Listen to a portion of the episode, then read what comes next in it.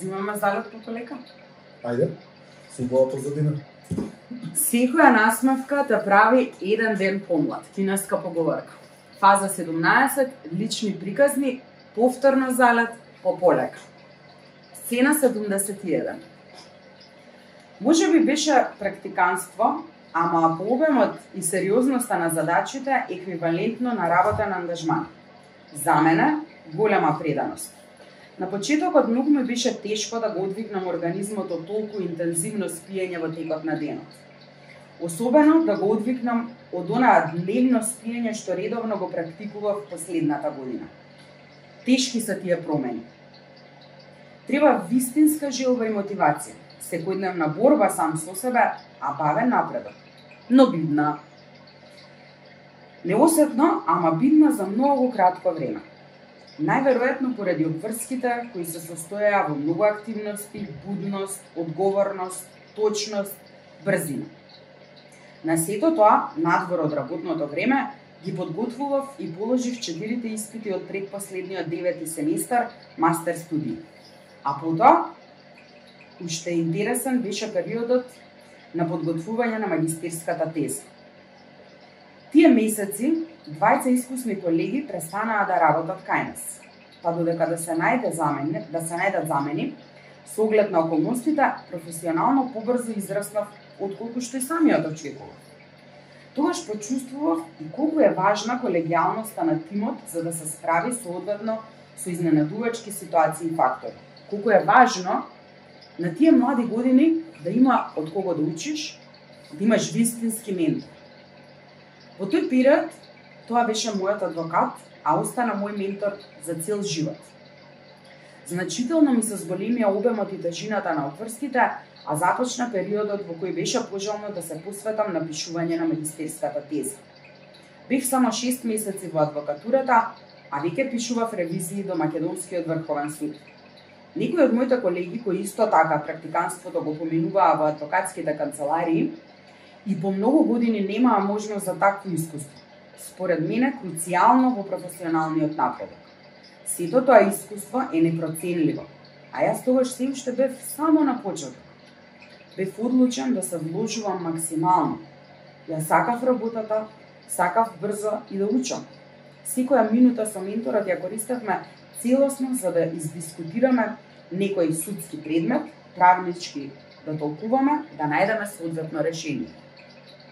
Обично тоа беа тие 15 на минути додека одевме кон, а и од судот. Тие месеци одвај станував наутро, но секој ден беше полесно затоа што премина во рутинско станување.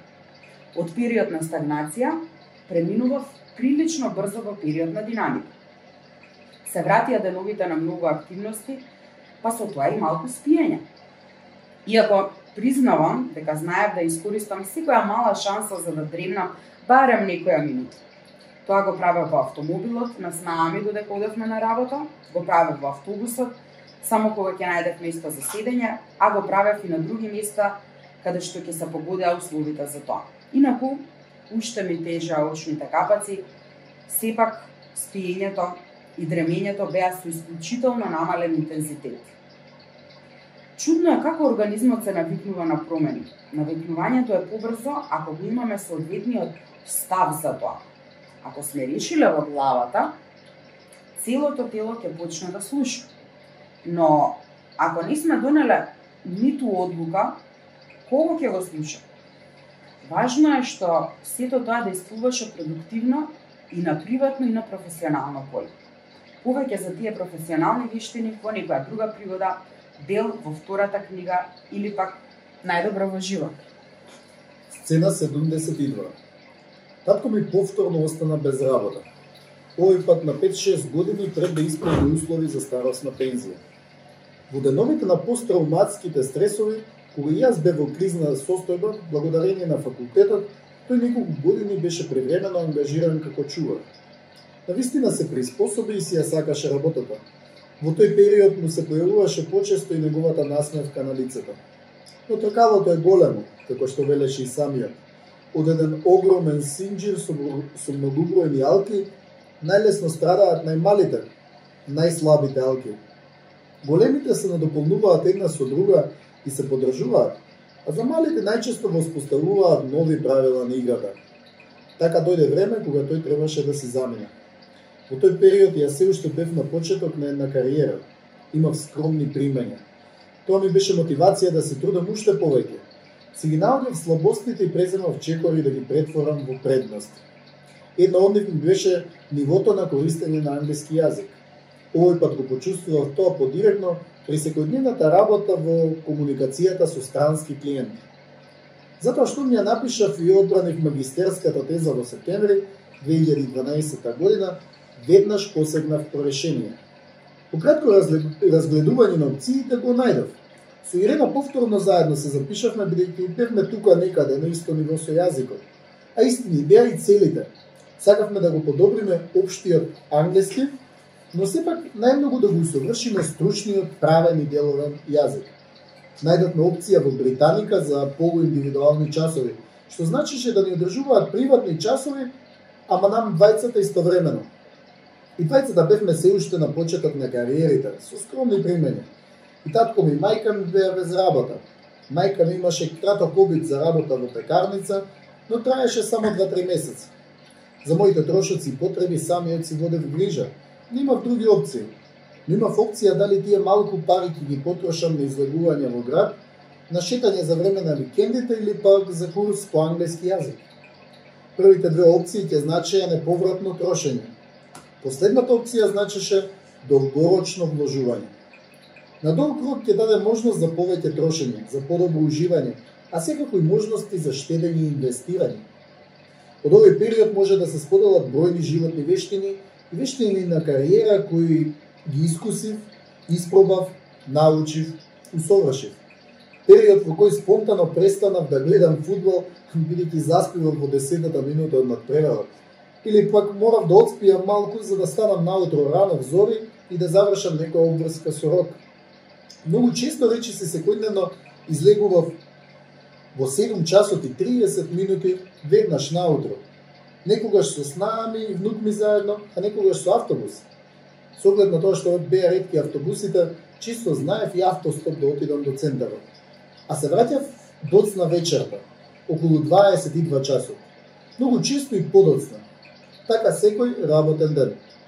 Саботата ми беше обично ден за надоместување на краткиот сон во текот на неделата, одвојување време за себе, средување низ дома по нешто, некоја активност со другарите или пак со татком. Во недела, со малку одморен мозок, ги, заврш... ги завршував најсериозните задачи за работа. Оние за кои требаше да се посвети повеќе време, посериозен пристап и повисоко ниво на концентрација, за што е необходна тишина. И читав. За време на викендите се информирав за секоја промена што настанала е релевантна за мојата професионална надградба. Така влегов во вистински залет. Сцена 73. Во едно такво побрзо темпо од вообичаеното, од просечното, потребен е и подобар издувен вент. Сега веќе не беше исто како претходно. Деновите за годишен одмор драстично ми се намали. И што попрво во тие денови? Кратко време поминував со, со роднините в село и во Босилеград. Уште пократко време имаше за другарување таму, како што тоа беше некогаш. Дури ни време, ниту пак средства за класичен одмор не се наоѓа. Душава ми бараше патување и пред се другарување со колеги од странство. Да ми дојде како тргнување од секојдневието. Да можам повторно да направам најмалку три во едно. Какво нешто ми требаше насушно да го направам пред да почнам со подготвување на правосудниот испит. Затоа е потребна посебна психичка подготовка, а не само подготовка со знаење. Тој што го поминал, на чесен и трудолюбив начин, знае. Другите може само да предпоставуваат. Планот беше да го полагам во октомври таа 2013 година. Да успеам да го полагам со дотогашниот суштински базиран на знаење устен и писмен начин на полагање на испитот. Инаку најавија промена во начинот на полагање, да биде на електронски начин со заокружување. Катастрофа.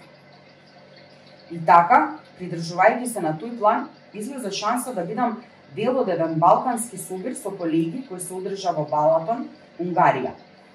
Клубот на ораторите беше активен учесник во организацијата на тие настани. Тогаш предводници на клубот беа токму едни од нашите први ученици по ораторство при одржувањето на утбутите во средните училишта. Боро, Никола, Наташа, позната меѓу нас како Лимонча, произлезена од нејзиниот прв говор, Симона и неколкумина други одлични млади оратори кои им се приклучуваа во тимот како Васка, Павел, Жане, Аце. Беа движечката сила во тој период. Како член на судот на честа на клубот, чести уживање беше со нив да се патува, да се учествува во регионални настани, да се решаваат стотици несекојдневни предизвици попатно, кои слободно може да бидат основа за снимање филмови, а не само за книги. Од непредвидените настани да издвојам еден. Започнување врска кога најмалку очекуваш, а и кога имаш други животни приоритети Тоа е тоа непишано стандардно правило за приватниот живот. А сето тоа може да доведе до убави спомени. Дел од нив барем малку се најавени во епизодата 16 Лудост. И потоа следуваше карантин. Три месеци буквален карантин со само едно излегување на пивофест, дел од една свадба и ништо повеќе. Со просечно учење по 12 часа на ден за правосудниот испит.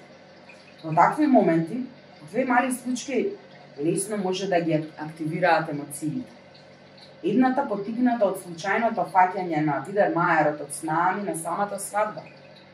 Тоа беше последниот момент во кој емотивно ми влијаеше традиционалното воспитување, а влијаеше и се уште нецелосно преболената загуба на брат На тоа се надоврзува и втората случка. Романтични разочарувања за кои ми се активира она шесто сетило на емпатичност. Неопислива надворечна енергија го окупира моето тело во тие моменти. Сето тоа ја намалува концентрацијата за учење, ама ја зголемува иновативноста за промоѓање нови начини на поефикасно памтење и примена на материјалот. Во тие моменти сватив колку многу е важна практиката за да може да се надополни со теоријата. Искуството од практиката многу ми помогна во совладување на теоријата и положување на правосудниот испит. Целиот тој процес е некое ново ниво на животно и професионално искуство. Упорност и оно особено се присутни тука. Еднакво како што се присутни во моментот го сакам животот, ајде да го живееме.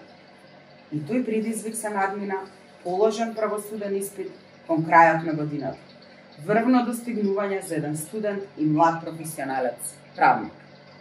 Сцена 74. Може би неосетно, ама поминаа 6 години од трагичното загинување на брат ми. Не се малку, ама се, не, се некако душава ми велеше дека треба да му посветам, ама баш нешто специфично не ми. Да создадам дело за да ја преболам таа болка што уште остана во градиве. Интензитетот се намалуваше или варираше, но не исчезна.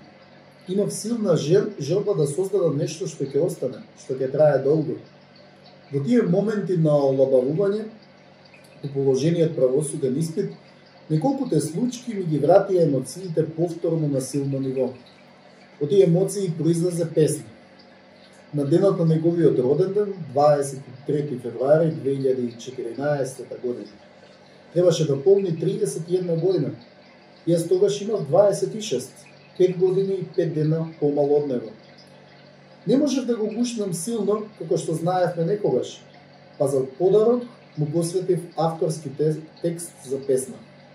Во моменти кога институциите што требаше и што можат не се грижеа за оставање некое трајно обележје, решив тоа да го направам јас. Ја напишав песната за неполни два часа и веднаш потоа си реков наглас ова мора да се испее и да остане некаде трајно запишано. Уште од мали години многу сакав дуети, па затоа и така ја составив. Едниот лик наменет за снами, а другиот за мене. По главата имав и идеја кој ќе ја пее, Јана Дручевска и Виктор Апостоловски. Со Јана се знаевме веќе 2-3 години. Таа ни беше земичка друга кај мене и на Васка. Идејата ја споделив првен на Васка. Таа со задоволство ме подржа. Веќе на следниот состанок бевме присутни сите заедно. Јас, Васка, Јана и Виктор. Бев пресреќен кога и ним им се допадна идејата и решија да ја спроведат на дело. И ја спроведаа.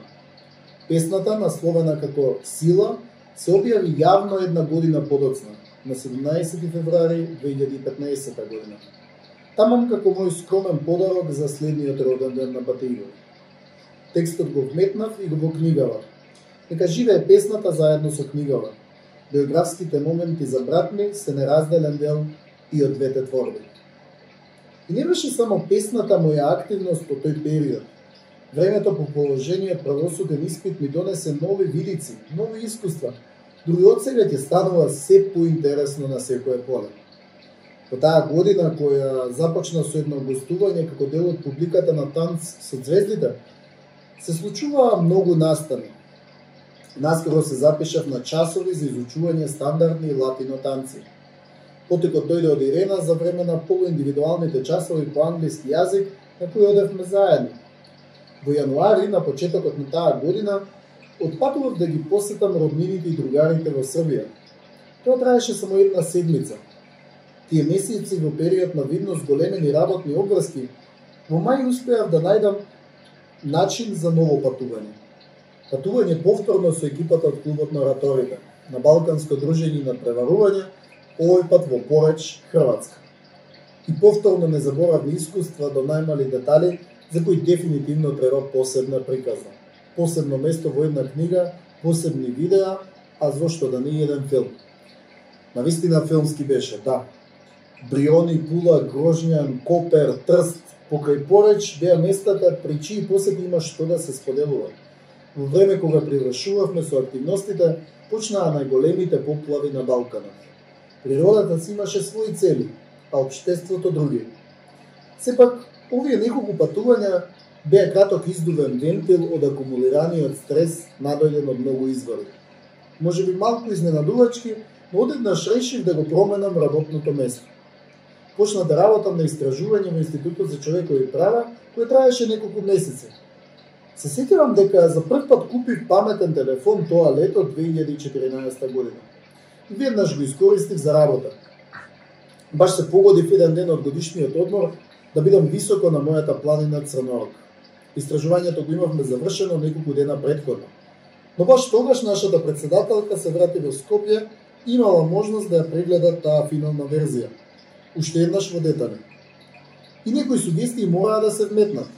Се допишувавме на интернет со Ирена. Таа во тоа време се погоди во Прилеп. Сите ние во различни места, но да го имав уште стариот мобилен, немаше да можам ниту да добијам, ниту пак да пратам имејл немаше да биде возможно да ја прочитам стручната анализа за да гледам каде може да се дополнат забелешките. И на вистина, онлайн комуникацијата ни возможи веднаш, уште истиот ден, да го финализираме истражувањето. А по завршувањето на тоа истражување од таа есен се роди ново работно место. Овој пат банкарско.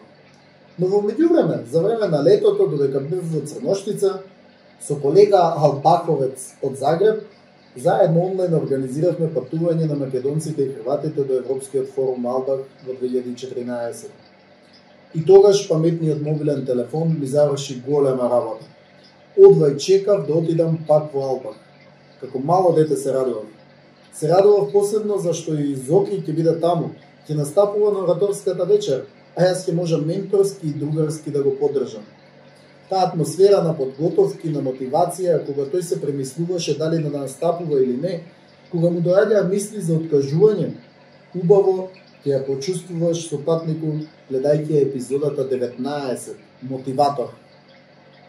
Тоа беа моменти на неизмерна радост, кога чувствувате нешто што одамна сте го замислиле како идеја, како мисла пуштена кон небото во бесконечноста на универзумот може би нема да има зборови што сето тоа ќе го доловат до вистинската јатка, до најмалата длабока пора. Може би кога ќе ги погледнеш видејата ќе ја забележиш таа страст, таа силна енергија што те носи низ брановите на животниот напредок. Но кога ги имаш каква и да е било можност тоа да го доживееш во живо, тогаш можеш да бидеш 100% дел од таа атмосфера. Знам дека во срце во бликаш и вриеше емоција на среќа и радост – еве го и мојот другар на пиедесталот. Напредуваме и се радуваме. И сакаме уште да одиме напред. Македонските говорници нека се слушнат далеку. Светот ни е мал, како што давам пример во епизодата 14 Мал свет. И тоа по многу основи. Наше е колку од нив ќе искористиме, а имаме простор колку што ни душа сака. Стабилното враќање во играни стихови. Пак на сцена. Се враќа пак на сцена да летоа во неговата крв, по секое паѓање, да освои по некој нов врв. Животот знае да мала, те спушта, препреки ти дава. Дали сакаш да се откажеш или пак снаудливост ќе да покажеш, одлуката е само твоја. Оваа крв не секогаш се насладува, но таа крв секогаш се пренесува. Само подготви го умот за мотивација, а ментор ќе се најде за инспирација. И не суди по тоа кој каде стигнал, туку колку и какви препреки им минал. Сето она што не сум го сваќал, во иста состојба животот ме враќал. На своја кожа да почувствувам, со искрено срце да се насмевнам и да продолжам еве пак на животната сцена. Можевме ли поинаку? Веројатно привлекувам во животот разни случаи за да не ми биде ништо линеарно, праволиниски. Некогаш тоа е добро, но некогаш таа силна емпатичност во мене ми влијае тешко. Тоа шесто сетило ми задава маки токму кога ми треба најголема концентрација. Убаво е да си направиме само препознавање, само евалуација и само оценување. Така ќе дознаеме кои се нашите слаби страни за да може да ги подобриме. Така направив и јас со нивото на познавање на англискиот јазик. Уште тинејџерски години бев голем противник на технологијата, противник на трката по мобилни телефони, но кога купив првиот паметен мобилен телефон, кој ми го лесни работењето, па и животот, сватив дека технологијата има своји предности што треба паметно да ги ползуваме. Да бидеме подобри. Да научиме да ги читаме и разбираме нашите чувства. Интуицијата е нашиот животен лидер. Да бидеме свесни за последиците и да превземеме акции, действување. Се плашиме да превземеме акција бидејќи сакаме живот без чувства? Ако сакаме да живееме со секоја пора од нашето битие, тогаш да го чувствуваме секој нареден чек. Никој од нас не е совршен. Но не мора да бидеме совршени за да бидеме извонредни. Ако сме свесни за тоа, веќе сме го направиле првиот чекор за подобрување на нашите слаби страни. Технологијата е измислена за да ни служи нам, но да не заборавиме дека ние сме тие кои, кои решаваме како и колку ќе ја користиме а решаваме и што од неа ќе научиме. Технологијата е тука за да ја управуваме ние, а не таа нас. Ајде да се запрашам. Ако се анализирам, колку слаби страни си наоѓам во моментот? Кои три чекори можам да ги преземам за да бидам подобар во мојата професионална кариера? Колку се интересирам и колку брзо учам работи со новите технологии? Ги советувам младите повеќе да уживаат во животот и да не се оптоваруваат, или пак да преземат акции самите да си го подобрат. Во последните две години, колку пати се покажа како точна мојата интуиција. Никогаш не подценуваја важноста да имаш човек во животот кој постојано ти измамува насмевки. Непознат. Фаза 18. Лични приказни, работата, лек и или притисок. Сцена 75 дополнителни активности. Тие биле во минатото, сега се исто така, а и ќе бидат во иднината мојот клуч за напредок, клуч за личен развој, паралелно и на приватен и на професионален план. Уште за време на студентските денови, некако спонтано станав координатор на колегите од мојата втора група во прва година на правните студии. Само што почнавме со предавања, веднаш се пријавив на ораторската вечер. Да, Тоа ми беше веќе познато. Не имав желбата за настав уште при она гостување што го имавме во средношколските денови. Но, еве и сега се прашувам, зошто на повеќето колеги им требаше приспособување, а мене не? И одговорот може би не целосен, но сепак го наоѓам во самиот почеток. При уписот на правниот факултет во редицата чекаа голем број родители. За жал, имаше само неколку аспиранти кои сакаа да бидат академски граѓани. Без разлика што беа далеку побројни родителите, сепак на многумина јас им ги пополнував уплатниците в банка и по некои од другите документи. Тамам се вежбам, запишувајќи се токму за изучување права, си велам во себе. Лична, слична состојба се одвиваше и за време на студиите. Во времето кога бев на вистина активен во дополнителните активности, во тие моменти со клубот на ораторите имавме бројни успеси. Моето домашно и приватно обкружување гледаше на тоа како губење време, дополнително заморување, оптоварување за джабе, нешто што не ми носи пари. Јас на тоа, од секогаш сум гледал потенцијал, визија, вештини, препораки, идна реалност. Во тој период, тимот на Млади Info International ми го направи првото интервју. На еден од моите заклучоци од тоа интервју и во тој момент кристално јасно се сеќавам. Прашањето беше Дали младите во Македонија се активни? Следуваше мојот одговор. Од моето искуство и од она што го забележувам, би ги поделил младите во две групи. И тоа. Првата група млади кои воопшто не се активни, оние кои одвај чекаат да им завршат предавањата, може би некој од нив и да го пропуштат заради кафе, пијачка. Тие се тие кои не се активни во процесот на учење, туку само освојуваат бодови од тестовите со одговори на заокружување. Може би се активни по студентските забави, но не и во обштествениот живот. Ете тие млади се поголемото општество. Мнозинство. Мнозинство. Добро, поголемото мнозинство во општеството. Може Да. така? Да. Втората група, млади кои се не само активни, туку дури и преактивни. Тоа се речиси истите студенти кои се дел од повеќе видови надпревари, кои се учесници и, или креатори на семинари, оние кои сакаат да бидат активен дел од сите збиднувања во нашата земјица. Тие се малцинство, но се борат за просперитет и напредок на секоја поле. Да ме прашате, еве и сега, поречи си 10 години, повторно ќе го кажам истото. И што мислите? Младите од која од овие две групи често бараат работно место, а се чини како да не бараат работа? Од друга страна, кои млади се постојано барани за ефективна работа, за развивање идеи, за водење бизнес? Вие самите така ќе си го препознаете одговорот, а јас го знам оној мојот. Тој еве и сега ми шепка дека ораторството ми беше најголема препорака во професионалниот напредок. Нешто по кое паѓаш во очи, нешто по кое те разликуваат од толпата и те препознаваат. Ораторските вештини, кои со постојано практикување ми донесоа развивање на многу други лични способности, ми отвори многу железни порти.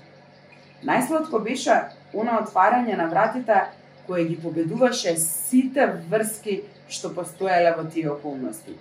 Зарима нешто посладко од ова? Душата полна. Знам дека брат ми е горд на тоа. Сцена 76. Ама ние те следиме на социјалните мрежи. Гледаме дека работиш повеќе работи. Следиме дека си доста активен надвор од факултетот. Ова беа чести коментари уште од времето додека бев демонстратор на правниот факултет пред цели 9 години. Тогаш ми заврши мандатот во клубот на оратори, па редовно редно беше да придонесувам и на други полиња. Многу ми е беше несвојствено како тоа држам вежби на студенти по социологија на правото на факултетот, работам со едукација за лични финанси во приватна компанија и навечер организирам караоке забави. Сето тоа паралелно. А при секој вакво прашање мене во главата ми доаѓаше само една констатација. Додека некој има време да работи три работи, други имаат време само да ги гледаат тие три работи и да коментираат.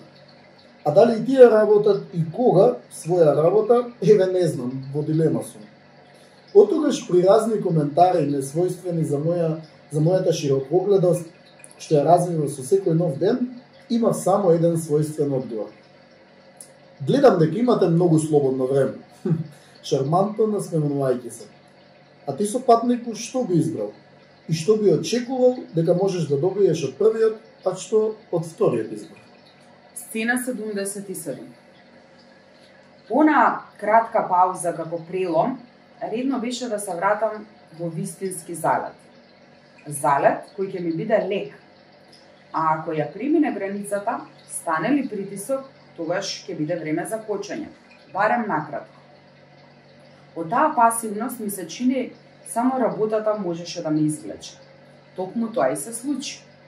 Почетокот на работата во адвокатурата беше тежок за да го преброди оној период на сонливо тело, на стагнација. Но истовремено беше многу лесен за да ја разбуди мотивацијата во мене. Се роди жетта за напредок и за примена на знаењето во, во практиката. Уште во првите три седмици почнав да одам на судење.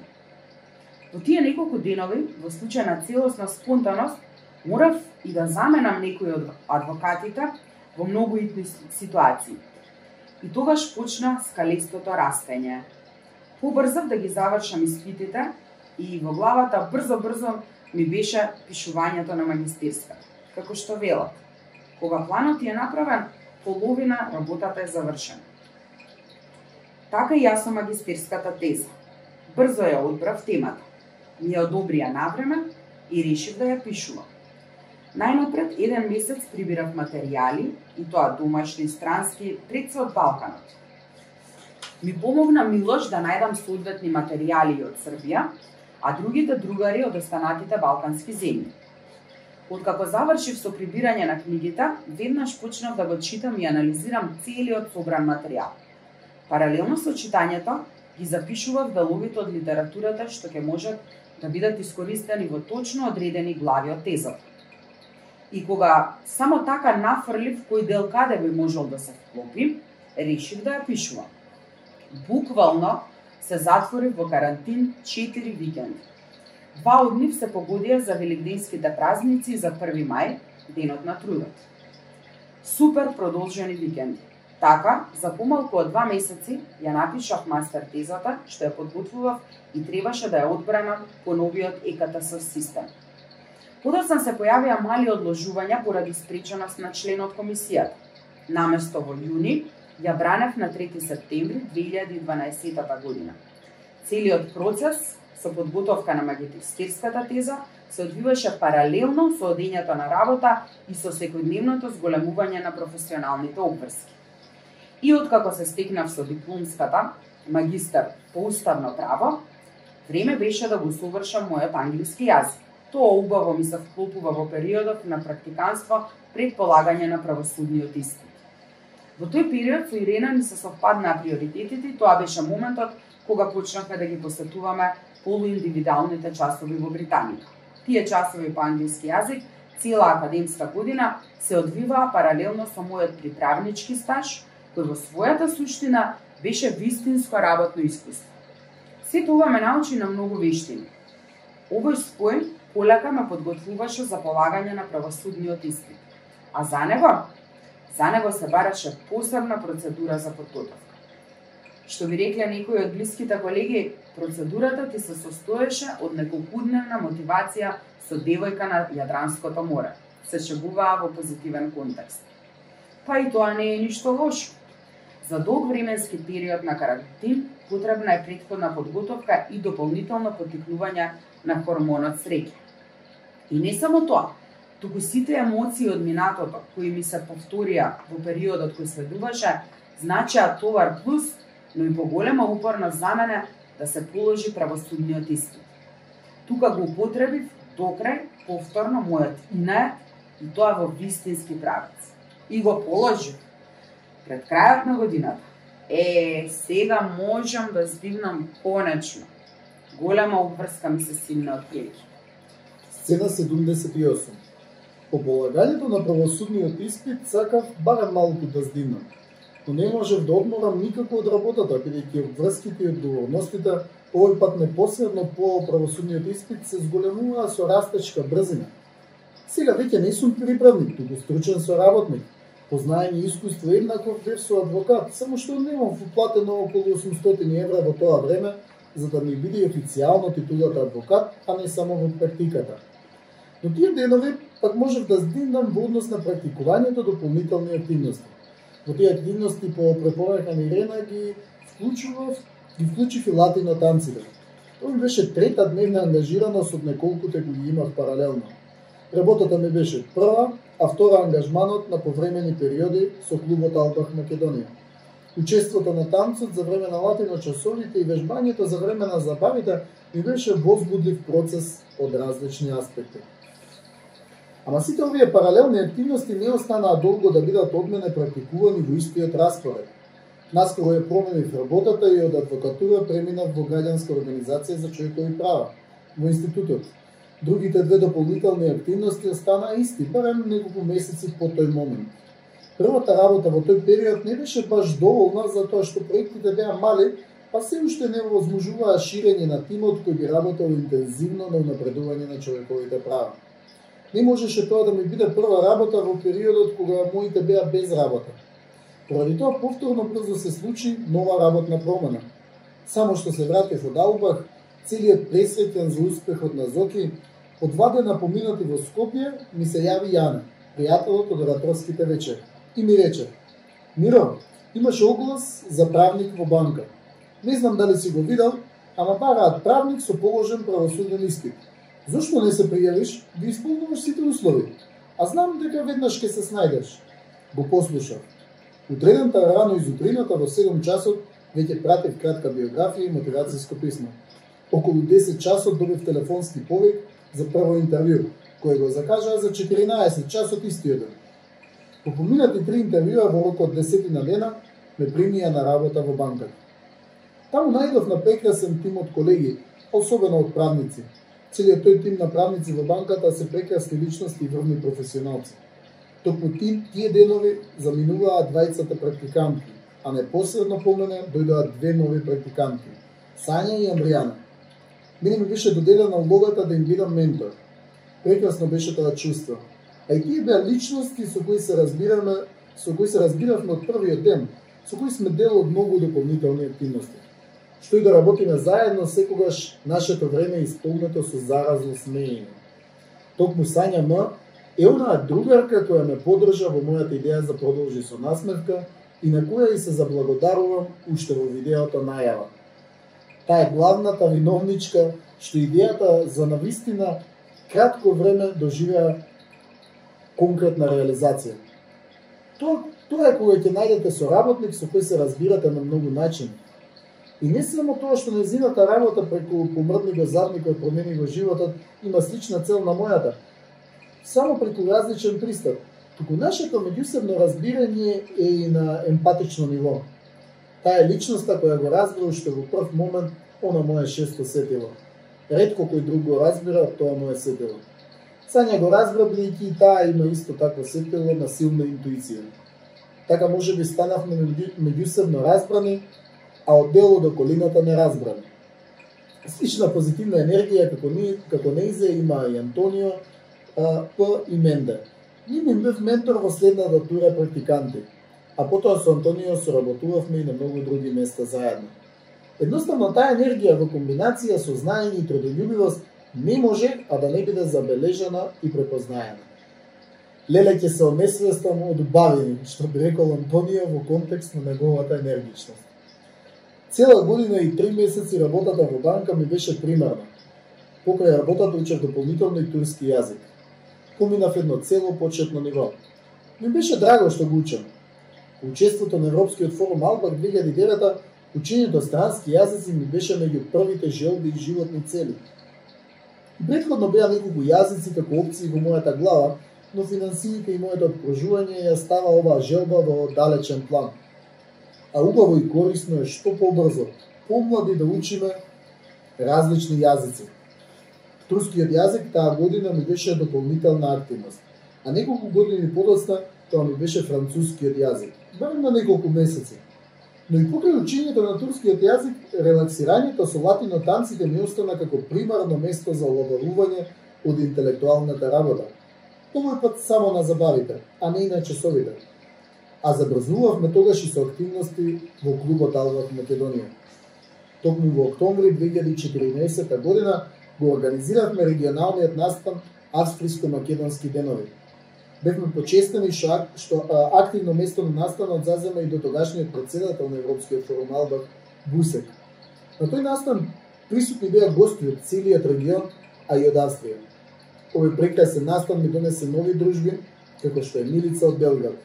Таа беше дојдена со Митко и се дружи, а се дружиме и ден денес. Ми потекнува ми текнува на незиниот прв коментар кога и јас им се придружив, откако се најдоа пречекани од друг дел од екипата во Скопје. Колку добра организација! Јас не се ни познава со Мирослав, не ни знаевме кој точно ќе ме чека, а сите се погодивме на време, токму како што планиравме. Со воодушевување искоментира Милица. И не само нови дружби, туку ги зајакнавме и постојните, како што тоа беше случај со Мија и со тие од Загреб со кои се запознав тоа лето во Олбак. Сите тие ми беа прекрасни гости, а наставно беше само одскочна штица за серија успешни настави кои се следуваа следната 2015 година. И тоа не е се. Не, не, ова не е реклама за топшот.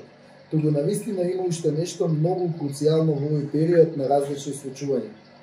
Тоа е наоѓањето барем малку време за активно учество во подготовката на проектните апликации во рамките на Институтот за човекови права сите ние членовите на тимот, што некогаш бевме дел од институтот, наоѓавме барем малку слободно време за викендот кој го искористувавме за убав придонес.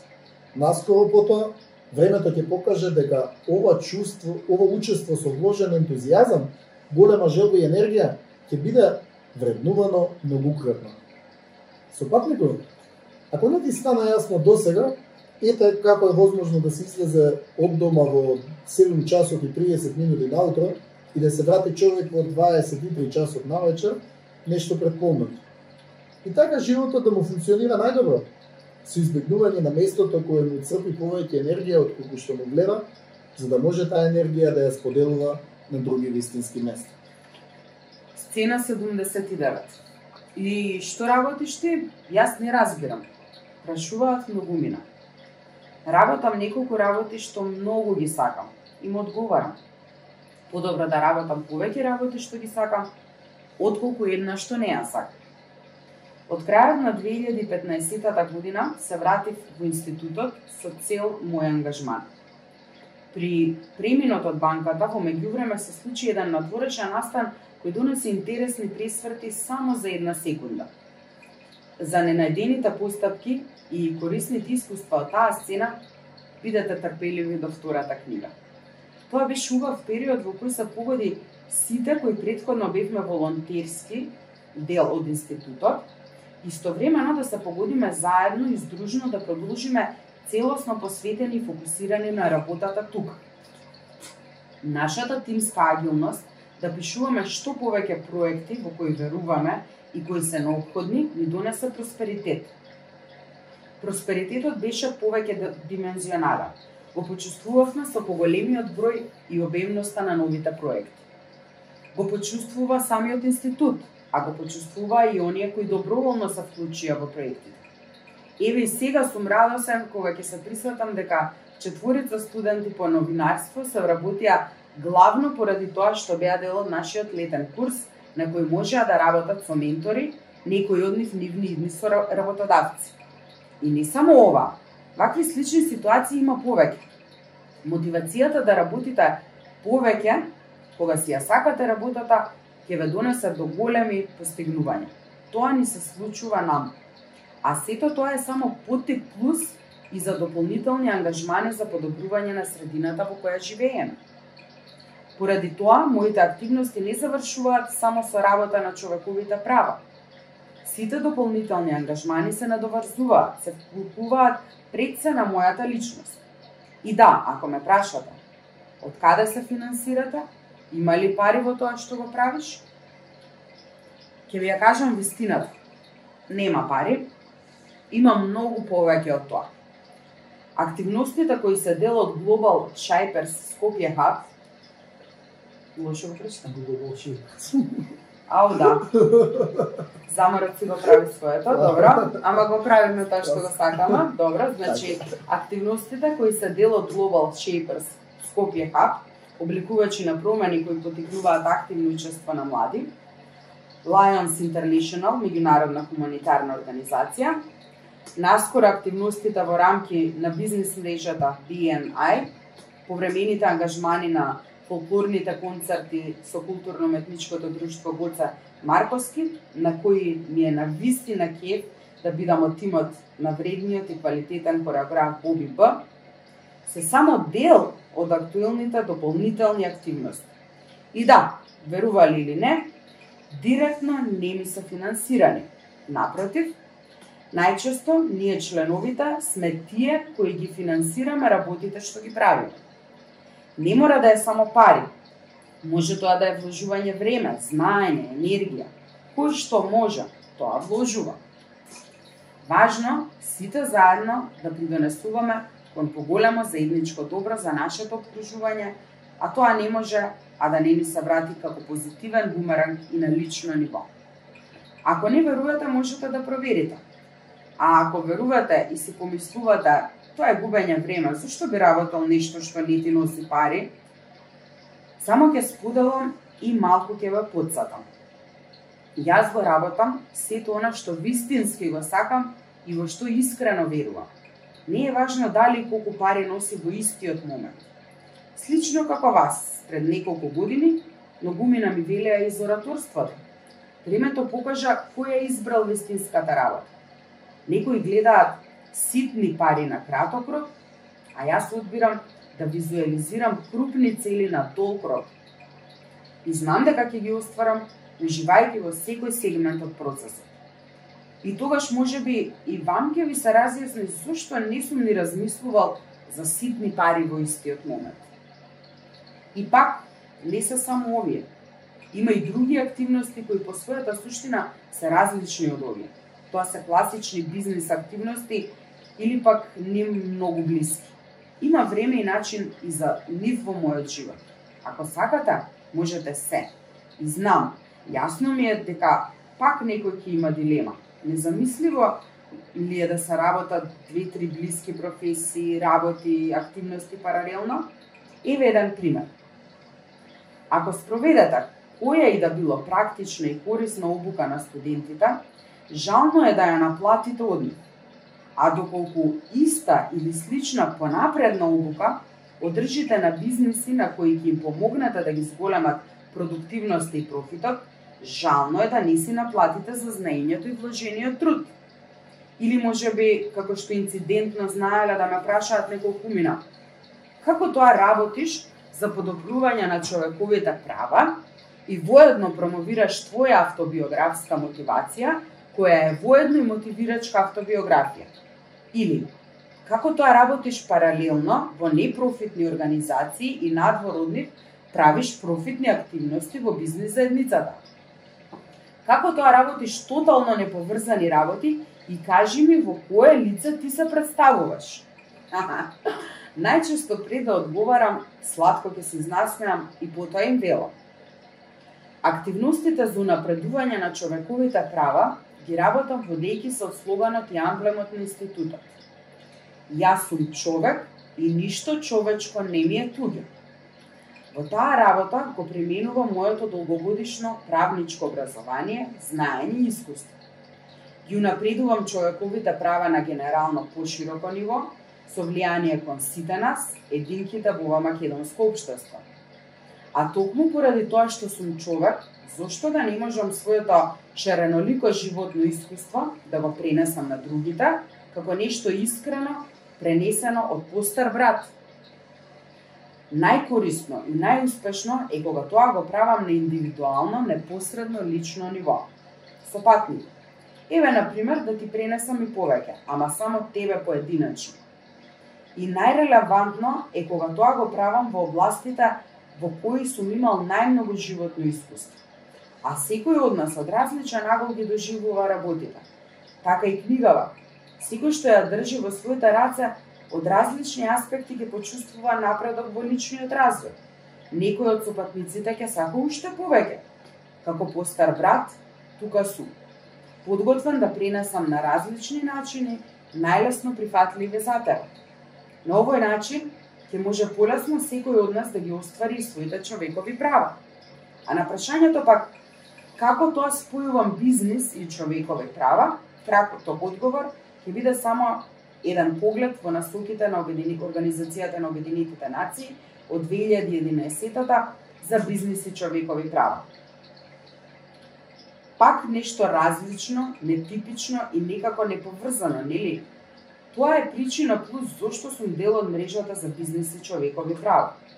Ете да затоа можам да работам и наполно различни работи, ако тие се дел и од мојата личност и од она во што верувам.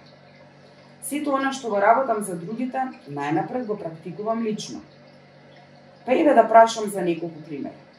Ако сте човек што се храни здраво и практикува здрави активности, дали тоа е нужно поврзано со видот на факултетот кој сте го завршила? Може би е доволно да сте само човек кој живее во стресно време. Ако сте човек што постојано се надградува во управување на своите лични финансии, дали треба тоа да е нужно поврзано со она што го работите како ваше главно занимање? Може би е доволно да сте само човек кој живее и работи во капитализам. Ако сте човек кој успеал да се издигне од допирање на дното, кој постојано пронаоѓа незапирлива мотивација, заре единствено важно во кое средно училиште сте завршиле? Може би е доволно да сте само човек кој како паталец, како постар брат, сака да ги пренесе своите искуства, грешки и поуки – Може би сте само човек кој верува дека секојдневно успева со тоа што ги мотивира и другите да успеваат. Па зарем треба да има некои посебни услови за да си го изчистиме домот, како што тоа го правам од мали ноза. Да си го наместиме креветот, да купиме што е потребно, да обезбедиме за јадење, да мислиме на перење, пеглање. Може би сте само човек, нели, кога самостојно ќе ги практикувате сите овие работи уште од мали ноза, ќе бидете свесни за нив. Но секој нивни детај ќе го почувствувате дури откако ќе живеете самостојно и се финансирате исклучиво самостојно без редовна финансиска помош од вашите блиски.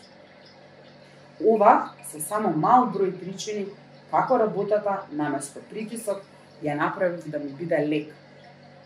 Убаво е да се чувствуваш уморен, но не и нервозен. Кула да си задоволен, среќен и насмеан од дното на душата. Работата лекува ни стихови. Не е тешко. Некој вели мака е, тешко било. Да се работи се морало. А што се морало не било тешко. За, за целосно така е. Ја свелам дека ништо друго не мора. Мора само да се умре еден ден, а до тогаш да се живее и би додал што поубаво.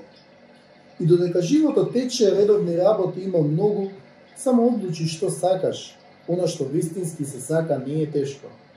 Е тогаш, дури тогаш, се што попатно работиш, што и да треба да завршиш, ќе те носи поблиску до целта, желбата што поскоро да ти биде стварност. Ако на вистина имаш таа желба, убеди се повеќе пати, Испробај разни начини, уживај во процесот, вложувај повеќе напори, но не заборавај ја целта. Уживај љубејки го процесот, тие ти носат бесконечно насмевки. И нема да е тешко, туку ќе биде вредно. Од мора, кога преминува во сака, искуство надојде на место мака. И од притисок станува лек. Можевме ли поинако? Во многу развиени земји во странство обично ме прашуваат со што главно се занимаваш во моментов? Кај нас пак, најчесто поставувано прашање ми е што имаш завршено? Честно заработените пари се имот, но гумина во моето обкружување бркале пари на краток рок и така пропуштиле поголеми шанси на долг рок.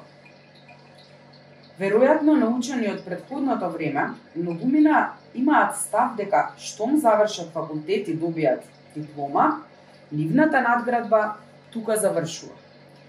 И така ли ќе работат 40 години, по нивниот цел работен век, зар светот ќе стои во место сите тие години? Предходните класични професии се, по, се повеќе изумираат, стануваат неприменливи Колку побрзо тоа го сватат родителите, толку побрзо ќе им голеснат животот и наследните генерации. Да бидеме подобри. Прашањето што ми го поставуваат странците прејудицира дека работам повеќе работи. И тоа во моментот кога ми е поставено прашањето. Ними ме важна продуктивноста, ефектот од работата. Поставеното прашање во македонското општество те наведува на нешто сосем друго. Тоа бара одговор на дипломата која имаме стекната. Само тоа ли е релевантно? Или е важно дали сме продолжиле со тоа знаење да се надградуваме или не? Дали може би низ работното искуство сме стекнале дополнителни вештини кои сега ни се основа за нова работа? А дали воопшто работиме во моментот? И кој е ефектот од таа работа? Ништо од ова не го подразбира прашањето кое мене најчесто ми го поставуваат во нашето општество. Светот оди напред брз, и брзо се менува. Според истражувањата на Светскиот економски форум, кога децата кои сега учат во основно образование ќе бидат дел од пазарот на труд, за некои десетина до 15 години 70% од работните места што тогаш ќе ги работат, денес не ни постојат како работни места за кои ние знаеме. Тие работни места допрва години годиниве што доаѓаат ќе бидат оформувани. Сега ги знаеме процентите за иднината, а одлуката за се во животот е само наша, ама и одговорноста исто така. И не само за нас, туку и за нашите поколенија. Највреден имот на човекот е неговиот памет. Од тука започнува се. Знаењето е динамично, професиите уште повеќе. Доживотната наградба е наша реалност и иднина. Сваќањето на таа реалност е само поставување на стартната линија, но животната трка нема да се истрча сама. Секој чекор кон целта, почнувајќи ја секоја нијанса на патеката, е наша одговорност. Наместо учење факти на изуст, да учиме што повеќе вештини. Професиите што се неодамна развиени и што допрва се развиваат се како микс од неколку доскорешни професии, комбинации од новото време, а секако засладени со шлак од креативни животни способности. Силната мотивација и практичната комуникација се основа на вештините што практично се применливи во најголемиот број од професиите. Ајде да се запрашам. Тоа што сега го работам, повеќе го сакам, отколку што не го сакам, или обратно. Кои три активности би ги вршил со уживање и никогаш нема да ги доживеам како работа, туку како задоволство? Кои ми се две главни активности со кои исклучиво се релаксирам? Ако работам нешто што не сакам, дали давањето отказ е мој личен избор и одговорност или не? Ако давањето отказ ми е тешка опција во моментов, кои три опции ги имам за да вршам дополнителна работа? Смеј се, тоа е бесплатна терапија. Даглас Хортон. Фаза 19. Лични приказни, несвесна или свесна храброст. Сцена 80. Минатото не можам да го вратам никако, но можам убаво да го искористам за иднината. Многу од работите што сум ги научил и работел од мал, и помогнаа при решавањето на проблемите на возрастни години. Како што веќе спомнав погоре во ова моје дело, додека бевме мали, братучет ми Батедашо велеше. Навистина не знам дали некогаш во животот ги користите сите работи на кои ве учам, ама убаво е да знаете повеќе работи да работите.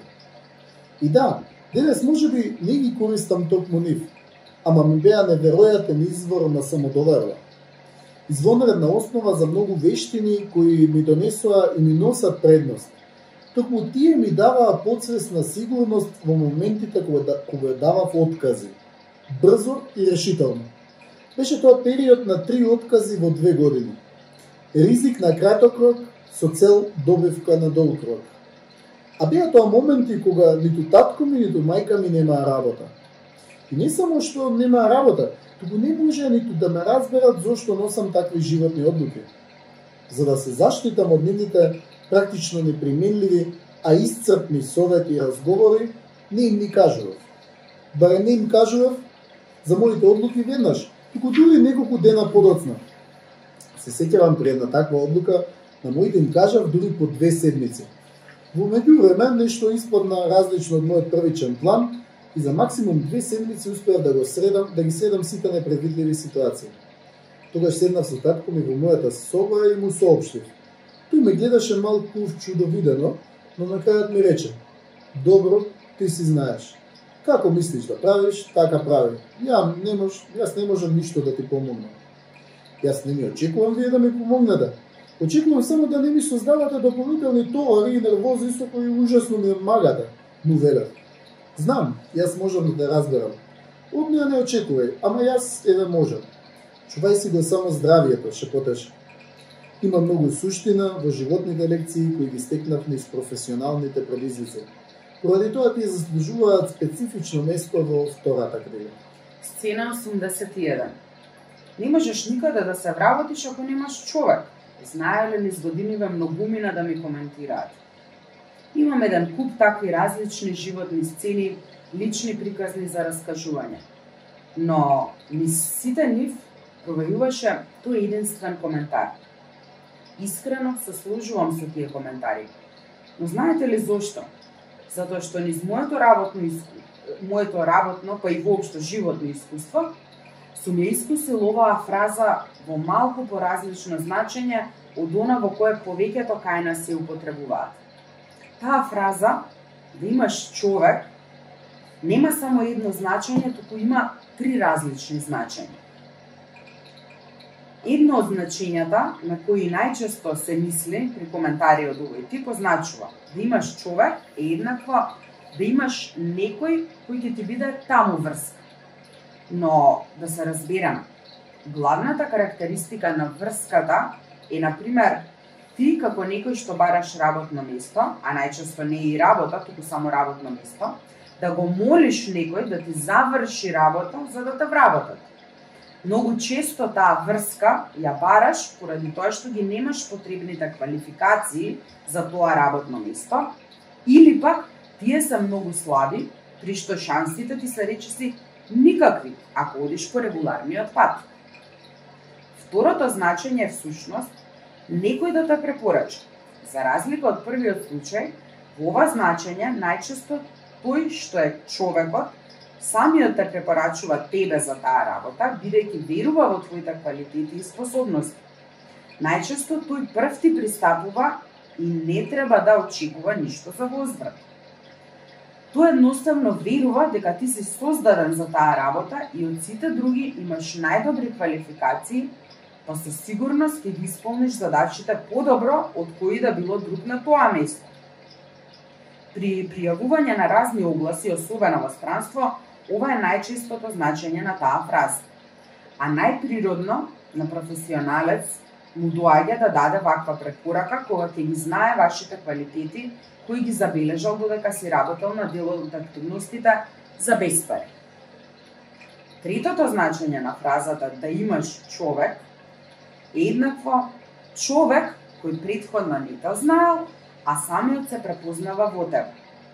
Тоа е оној момент кога сте на интервју, ги истакнувате вашите квалитети и некој од другата страна, кому му треба вистинска работа со силни резултати, ќе си помисли ме подсетуваш многу на мен. Оваа помисла најчесто ја имаат оние работодавци кои не стигнале до тоа место преку човек во првите две значења, а особено не стигнале преку првото значење на фразата да имаш човек. Токму тие ќе се препознаат самите во вас. Те сакаат со вас да работат затоа што знаат дека ќе имаат квалитетно завршена работа Тоа ќе им донесе предност ним како работодавци, а ќе придонесе и за поголема успешност на тимот, гледано од повеќе аспекти. Тоа е искрен однос на ментор и ученик. Тие соработуваат наместо да се ставаат спрепки. Меѓусебно се почитуваат и помагаат затоа што имаат самодоверба и се само свесни дека општеството е широко поле во кое има место за сите, особено за квалитетните. Ова многу убаво сум го почувствувал на моите интервјуа, но и за тие детални аспекти повеќе во друга пригода. Ех, само да знаете колку ораторството ми било најголемата врска и најголемото да имаш човек. Сега, од тие што ме прашуваа пред неколку години, дали пак би ме прашала зошто си го губиш времето со ораторството? Тие си знаат што ќе прашаат, а иднината е најдобра потврда и вистинскиот одговор. Сцена 82. Безобразен си понекогаш. Како можеш така отворено да критикуваш и да се спротиставуваш на некој што подолги години работи од тебе во оваа проблематика? Некои од луѓето со кои професионално сум контактирал при извршување на некои од работите знаеле некогаш да ми се обратат со овие зборови или пак ним слични. Јас кога критикувам се подпирам на аргументите во, во конкретниот случај, а другите аспекти од типот кој колку работа една работа се ирелевантни. И не, јас не сум безобразен поради отворената критика, туку храбро настапувам и отворено ги кажувам в лице сите аргументи. А не со некоја лажна учтивост која зад себе крие еден тон лицемерие и подршка на непрописно и неморално работење. Одговорав без грам воздршка. Токму поради тоа и ги споделувам двата совети за напредок во кариерата во епизода 10. 6 совети. Меѓу колегите и колешките препознаен сум по фразата «Ти реков». Обично малкумина веруваат во некои достигнувања во кои самиот цврсто верувам. Или пак некогаш предпоставувам нешто, ама таа предпоставка е базирана на многу информации, на во поставени прашања, внатрешна и надворешна евалуација. И сето тоа го има во мојата глава но може би за многумина е неразбирливо. Поради тоа некогаш се конфронтираат, некогаш и јас грешам во процената, но сепак процентот на успешност на моите визуализации го потврдувал повеќе мојот став, отколку обратно. За визуализациите кои се дел од професионалната кариера, особено место ќе има во втората книга. За овој период на работа и на живот можам само неизмерно да им се заблагодарам на сите оние кои ми биле и се уште ми се ментори. Ментори низ професионалниот напредок, во љубовните партнерски односи, ментори во многу предизвици кои ни ги подарува животот. Многу ми на однив провејуваат низ книгава, а ќе има простори за другите. Среќен сум што во животот не јадев готова, сготвена риба, туку секогаш беа тие тука, вистински ментори кои ми даваа јадеца и ме учеа како самиот да си го риби. Ниту ми паднало од некаде, ниту пак ми дадоа нешто во готово, а ми дадоа се што трае до животно. Сцена 83 Кога тоа сум рекол, не знам јас тоа, е изрека која ја користат луѓе кои што конкретно поставеното прашање најчесто ги доведува до некој теснец, гледан вин винт кјорсокак. Во ситуации кога има и непосредни сведоци што може да потврдат дека тоа било кажано, со ваквите одговори тие што го изговараат свесно или несвесно ја губат кредибилност. Останатите ова го доживуваат како подценување на интелигенцијата. Тоа особено ги навредува интелигентните луѓе. Подобро да сме искрени, па макар и вистината да боли, отколку да подценуваме нечија интелигенција – Дали е тоа не свесна храброст? Низ моите професионални ангажмани сум бил во контакт со луѓе кои ништо не признаваат. Оваа нивна постапка, гледана од страна, изгледа многу комично, особено кога многумина јасно ја согледуваат таа нивна грешка. Поучено тие нивни постапки, обично си ги признавам грешките и се трудам тоа да го правам секогаш кога има основа за тоа. Тоа го правам бидејќи си ги разбирам внатрешните емоции, а имам силни и релевантни аргументи кои ќе го потврдат тоа. Очигледно не ми бледне природната праведност која ја носам во себе од детството. Ме потикнува многу пати да барам признавање на грешката и од другите. Да се бунтувам против нивната неискреност. Божам Господ се па не грешат, а не луѓе. Обични смртници како сите нас. Тоа е тој мој инат насочен би рекол во вистински правец. Понекогаш само се случува и да премолчам само заради дипломатија и заради подолгорочни стратешки цели. Но сегашното премолчување ќе значи дека ќе биде кажано во следната пригода, во подобра пригода. Нема да се заборави. Одамна веќе не сум наивен. Читањето мисли и воопшто говор на телото со текот на годиниве ми станаа се повеќе моето омилено хоби. храбрата комуникација низ стихови. Низ небо. Не слушам колку се, бројот често не ми е мера, ниту пак изјави за генерализација, секај нас функционира така. Еј тие примери што ги има, многу одат повеќе истапкан пат. Не терајте ме да копирам, оти си пробивам свој пат. Неуки дојдовме на овој свет, секој од нас е ко жаба бунар, некои сакаат да се набезбедно тука, други пак гребат и лазат секој миг за звезден сјај, за сонце што пука. И некои Божен сеопшти правила постојат за да има исклучоци. Тоа го зборував уште од средно, тоа го правам и сега, а времето ќе покаже зошто. Од бунар низ небо во бесконечност. Можевме ли поинаку? Некои од луките ми биле избрзани. Да сум бил со овој памет во тоа време, дел од нив не би ги донал толку брзо.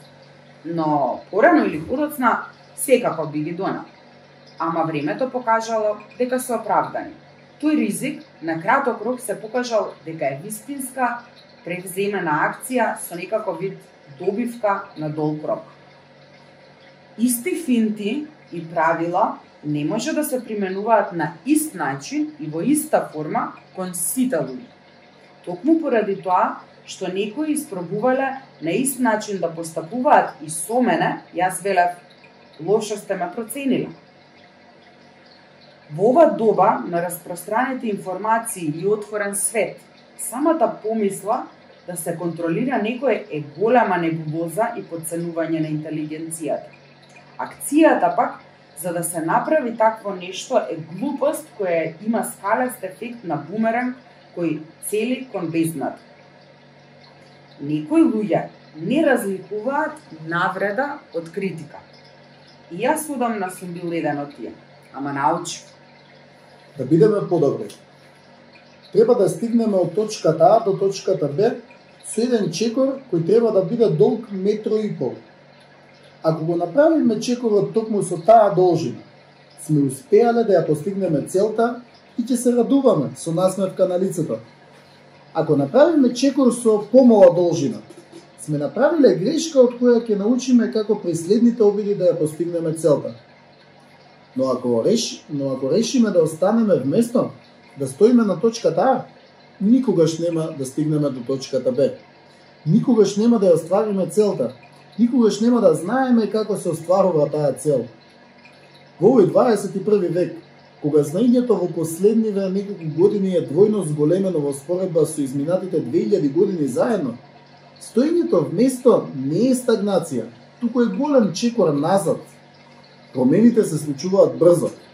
Реално е да се очекува дека за да се стигне до точката Б, многу скоро ќе бидат потребни три чекори долги по метро и пол, а не само еден чекор како сега. Со нашето стоење вместо на точката А, ние сме веќе два чекора назад од целта која некогаш беше само на еден чекор од нашиот дофат. Лидерите во вистинска смисла на зборот не размислуваат како некого да го контролираат, да го ограничуваат или да го управуваат Тие со својот пример го трасираат патот напред и ги мотивираат останатите да ги поддржат, пронаоѓајќи си свој пат. Многумина менаџираат тим од луѓе со наредби, со хиерархија, со ограничувања, со санкции. Ретки се оние кои тоа го прават само со мотивација и напорна работа, ама токму тие ќе бидат долгорочно најуспешни. Знаењето, вештините, напорната работа, снаодливоста и преземањето лична одговорност се основа за храброста. Ако носиме одлуки по линија на помал отпор и го избираме најлесниот пат, храброста ќе ни биде далечна. Не постојат луѓе што не грешат, постојат само такви што не признаваат дека сгрешиле. Вистинските лидери не се меѓу нив. Да го избереме третото значење на фразата да имаш чорок. Навредата има за цел некого лично да го омалуважи, а добронамерната критика има за цел нешто или пак некого да го подобри. Оваа помисла најчесто имаат оние работодавци кои не стигнале до тоа место преку човек по првите две значења, а особено не стигнале преку првото значење на фразата да имаш човек. Правилата постојат за да има исклучоци. Носителите на исклучоците се лидерите. Со тие исклучоци некогаш во имена, тие ќе воспостават нови правила. Ајде да се запрашам. Кога последен пат сум воочил и сум признал некоја собствена грешка? Кои три карактеристики, според мене, ги разликуваат лидерите од менеджерите? Кога сум донел храбра одлука, кои биле трите причини кои според мене биле основа за таа моја храброст? Кога последен пат сум почувствувал дека некој ми ја навредува интелигенцијата? Кој ме мотивира да напредувам и кои се трите причини поради кои со задоволство го следам? Додека вие одговарате, ние ќе одмараме и се гледаме во наредното, најверојатно предпоследно видео. Веќе ќе ми фали книгата.